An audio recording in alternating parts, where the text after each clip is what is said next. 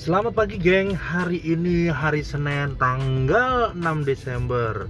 Woi aku mulai podcast pertama nih. Ini podcast nyoba-nyoba podcast Nyoba-nyoba menulis kenangan Mencoba-nyoba juga menulis story Setiap hari ikut apa aku lagi ngapain? Mungkin di situ nanti ada mimpi-mimpi kudus besoknya lagi ada arti mimpi-mimpi yang semalam gitu kan cerita menarik. Dan pekerjaanku hari ini ngapain aja kayak gitu per hari ini terus aku punya kenalan dapat temen siapa lagi. Aku akan ceritain di sini geng.